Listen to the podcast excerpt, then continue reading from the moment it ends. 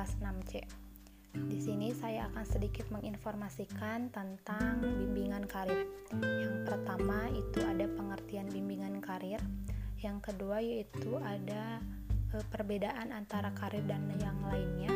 Yang ketiga yaitu e, ada tujuan bimbingan karir. Yang keempat itu ada fungsi bimbingan karir di sekolah. Yang kelima itu ada tips sukses dalam berkarir. Baik, langsung saja. Yang pertama yaitu pengertian bimbingan karir.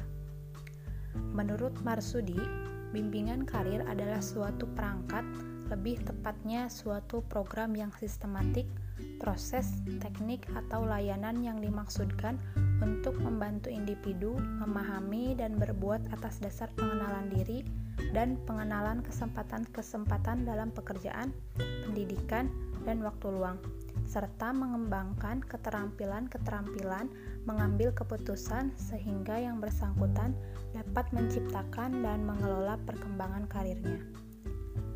Menurut Rohman Natawi Jaja, bimbingan karir adalah suatu proses membantu seseorang untuk mengerti dan menerima gambaran tentang diri pribadinya dan gambaran tentang dunia kerja di luar dirinya mempertemukan gambaran diri tersebut dengan dunia kerja itu untuk pada akhirnya dapat memilih bidang pekerjaan, memasukinya, dan membina karir dalam bidang tersebut.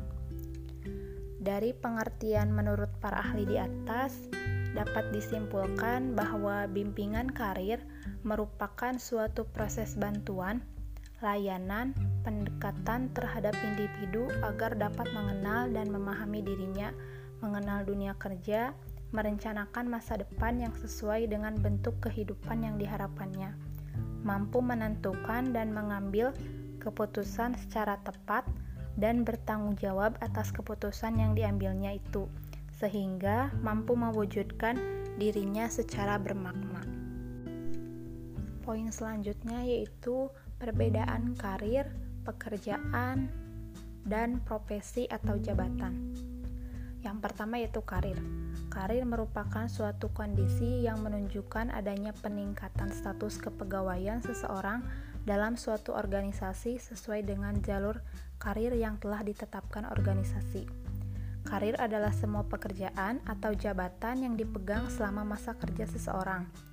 Karir menunjukkan perkembangan para karyawan secara individual dalam suatu jenjang atau kepangkatan yang dapat dicapai selama masa kerjanya dalam suatu organisasi.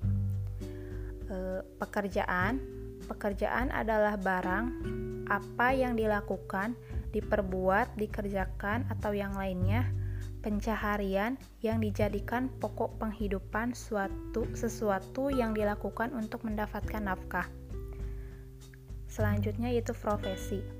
Profesi adalah pekerjaan yang dilakukan sebagai kegiatan pokok untuk menghasilkan nafkah, hidup, dan yang mengandalkan suatu keahlian, e, mengandalkan suatu keterampilan atau keahlian khusus, dilaksanakan sebagai suatu pekerjaan atau kegiatan utama, dilaksanakan dengan keterlibatan pribadi yang mendalam.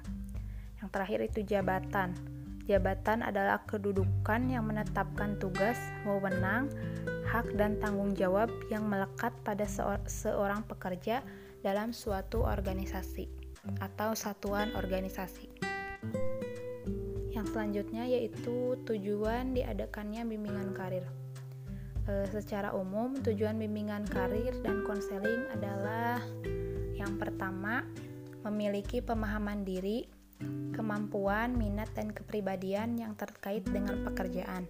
Yang kedua, memiliki pengetahuan mengenai dunia kerja dan informasi karir yang menunjang kematangan kompetensi kerja.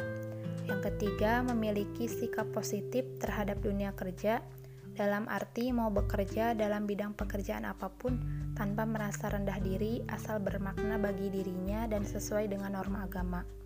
Yang keempat yaitu memahami relevansi kompetensi belajar, kemampuan menguasai pelajaran dengan persyaratan keahlian atau keterampilan bidang pekerjaan yang menjadi cita-cita karirnya di masa depan. E, yang selanjutnya yaitu fungsi bimbingan karir di sekolah.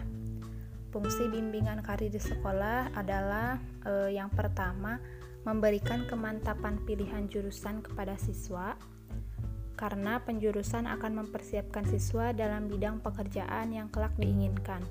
Yang kedua yaitu memberikan bekal pada siswa yang tidak melanjutkan sekolah untuk dapat siap kerja sesuai dengan keinginannya.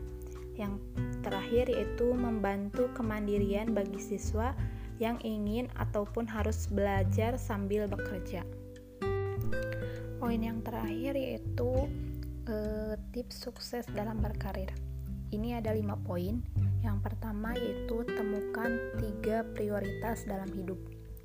Temukan tiga hal ini dan jadikan pegangan dalam berkarir. Tentunya dalam mengambil keputusan banyak faktor yang harus dipertimbangkan. Namun ketiga hal ini bisa menjadi kamu tetap fokus dalam meniti karir, jadikan tiga prioritas ini sebagai mantra penguat hati ketika mengalami masa-masa berat. Yang kedua yaitu pilih prospek karir bukan jabatan. Ketika dihadapkan dengan pilihan karir, ada baiknya tidak terpaku pada posisi atau jabatan yang ditawarkan, melainkan dari segi prof, pro, prospek prospeknya apakah ada ruang untuk berkembang di sana selama 5 atau 10 tahun ke depan untuk Anda bisa e, mengembangkan karir yang Anda minati. Yang ketiga yaitu temukan titik realitas. E, begitu juga dalam berkarir, cobalah untuk jujur kepada diri sendiri, pikirkan kembali apakah pekerjaan sekarang membuat Anda bahagia atau tidak. Jadi harus e, dipikirkan baik-baik. Yang keempat yaitu mimpi yang spesifik. E, mimpi sebaiknya memiliki indikator yang dapat diukur dan rel dan dapat relevan. Bukan berarti dalam karir harus selalu mengejar materi, hanya saja dalam praktiknya akan lebih mudah mengejar sebuah angka daripada sebuah konsep abstrak seperti kesuksesan. Yang kelima, bicarakan tujuan karir dengan orang sekitar. Tidak ada satupun orang sukses yang berjuang sendirian. Selalu ada orang-orang inspiratif di sekitar mereka yang mendukung kesuksesan tersebut. Karena itu, ada baiknya mengkomunikasikan mimpi-mimpi Anda kepada orang-orang yang ada di, sekitar Anda. Tidak perlu membocorkan semua detail tentang mimpi tersebut, cukup berbagi soal motivasi di balik mimpi tersebut karena dengan begitu kita berpotensi bertemu dengan orang-orang yang memiliki mimpi yang sama, sehingga kita bisa bekerja sama mewujudkan mimpi tersebut. Selain itu juga, Anda juga menciptakan semacam beban moral terhadap mimpi tersebut lantaran sudah terlanjur diumbar ke orang-orang. Mungkin itu saja yang dapat saya sampaikan. Eh, kurang dan lebihnya mohon maaf. Assalamualaikum warahmatullahi wabarakatuh. thank you